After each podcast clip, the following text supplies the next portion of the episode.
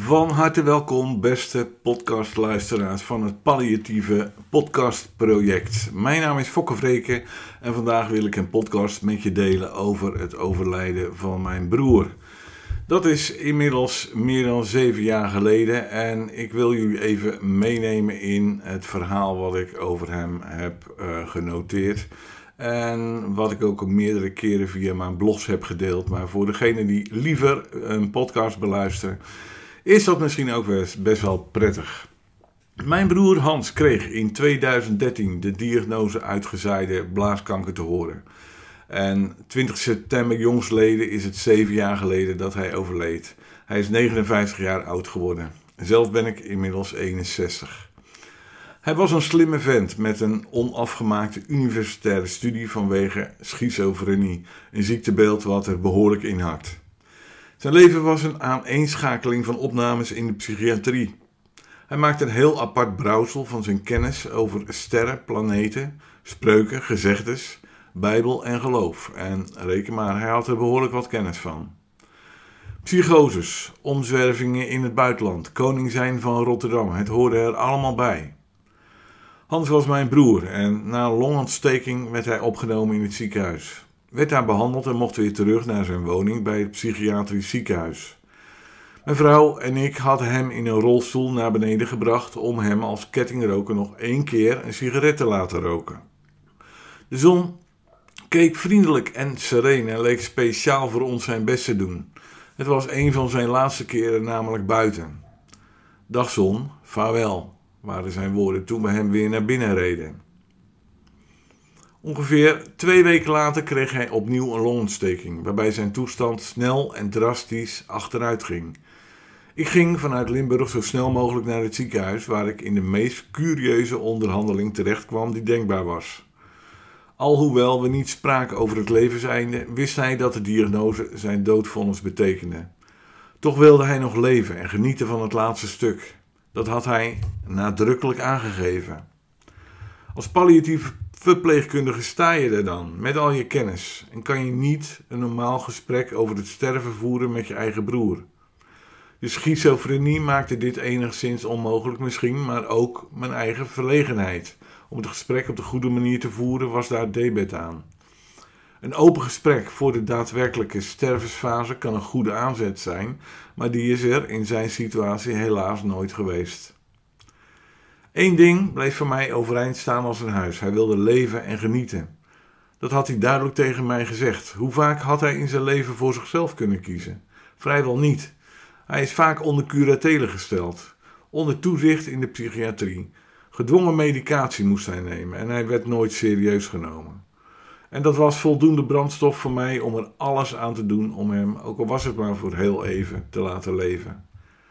De curieuze onderhandeling werd door mij eerst gevoerd met mijn ouders, daarna met de zaalarts en de verpleegkundige.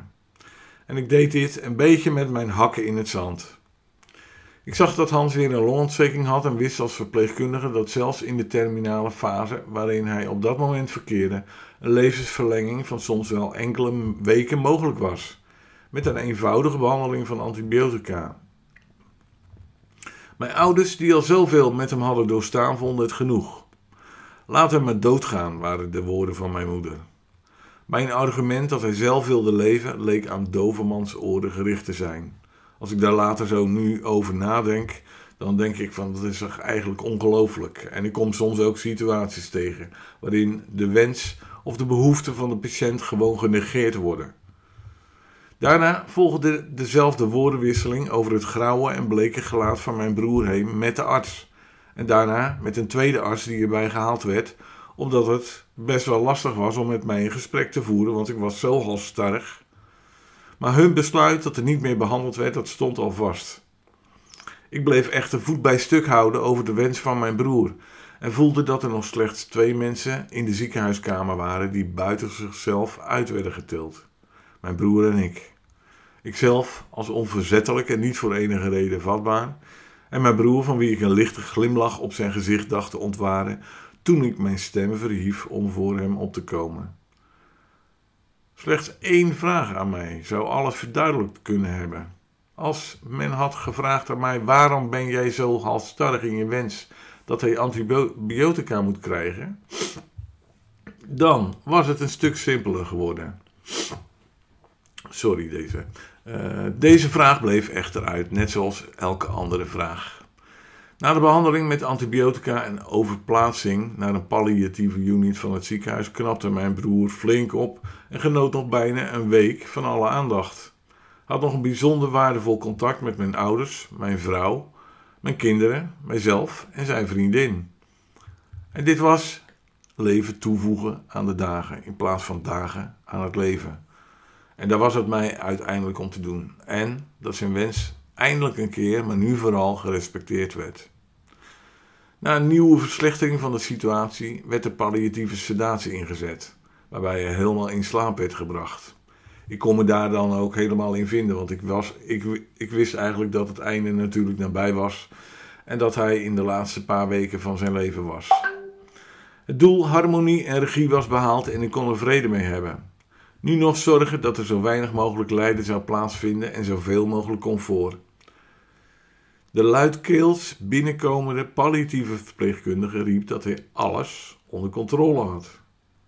En wat voor persoon was dat? Hij kwam inderdaad luidkeels binnen en hij liet blijken dat hij wel uh, ontzettend veel kennis had, maar zonder enig besef van de eindigheid van het leven. Had ook geen besef van het verdriet en de zorg van ons, de dierbaren. Hij oreerde over de geweldige medicijnen die alleen hij wel zou reguleren tot het einde toe. Het leek op een voorbracht, een voordracht, en van enige compassie was geen sprake.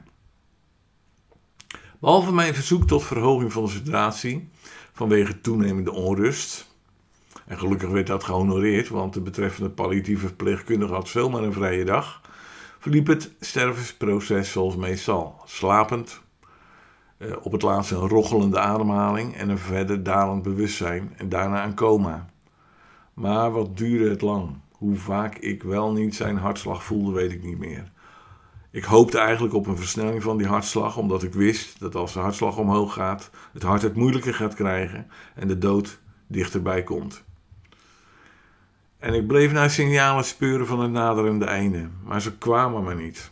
Waarom duurde dit zoveel langer dan ik gewend was?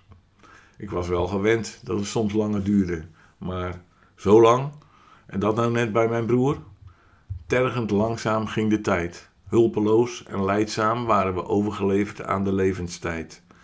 Het rouwen manifesteerde zich in al zijn hevigheid. En er kwam best veel verdriet bij mij naar boven.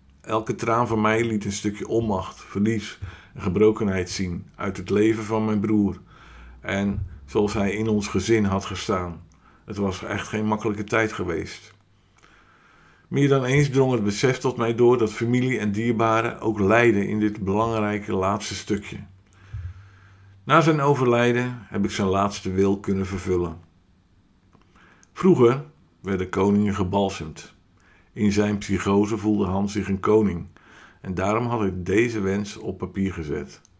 Hoe onrealistisch en idioot dit ook leek. Hij wilde met Nivea gebalsemd worden. En met twee nieuwe potten uit de winkel heb ik dat gedaan. Dag Hans. Dag lieve broer. Op 20 september heb ik weer even aan je gedacht dat het zeven jaar geleden was dat je overleed. En zelf ben ik nu 61, alweer twee jaar ouder dan jij toen je overleed.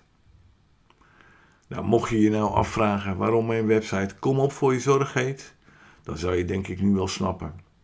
Neem een kijkje op de website of bijvoorbeeld op palliatievezorgonline.nl of op mijn website waar mijn cursussen staan, cursus.komopvoorzorg.nl. Je kan natuurlijk ook lid worden van de Facebookgroep Harmonie en Regie rondom het leven zijn, zodat je meer kennis en informatie kan opdoen over palliatieve zorg, wat ik daar regelmatig post. En ik post daar ook regelmatig dingen zoals uh, gratis Zoom-sessies die ik geef, webinars die ik, uh, die ik geef zodat je op de hoogte blijft van informatie. Wil je alsjeblieft, als je palliatieve zorg uh, een warm hart toedraagt, mijn podcast een like geven of misschien zelfs een review op mijn website of op mijn Facebookgroep zetten. Dat zou ik heel erg waarderen. Nou, Dat was het alweer voor deze keer en ik dank je heel erg voor het luisteren. En dan zou ik zeggen, tot de volgende keer.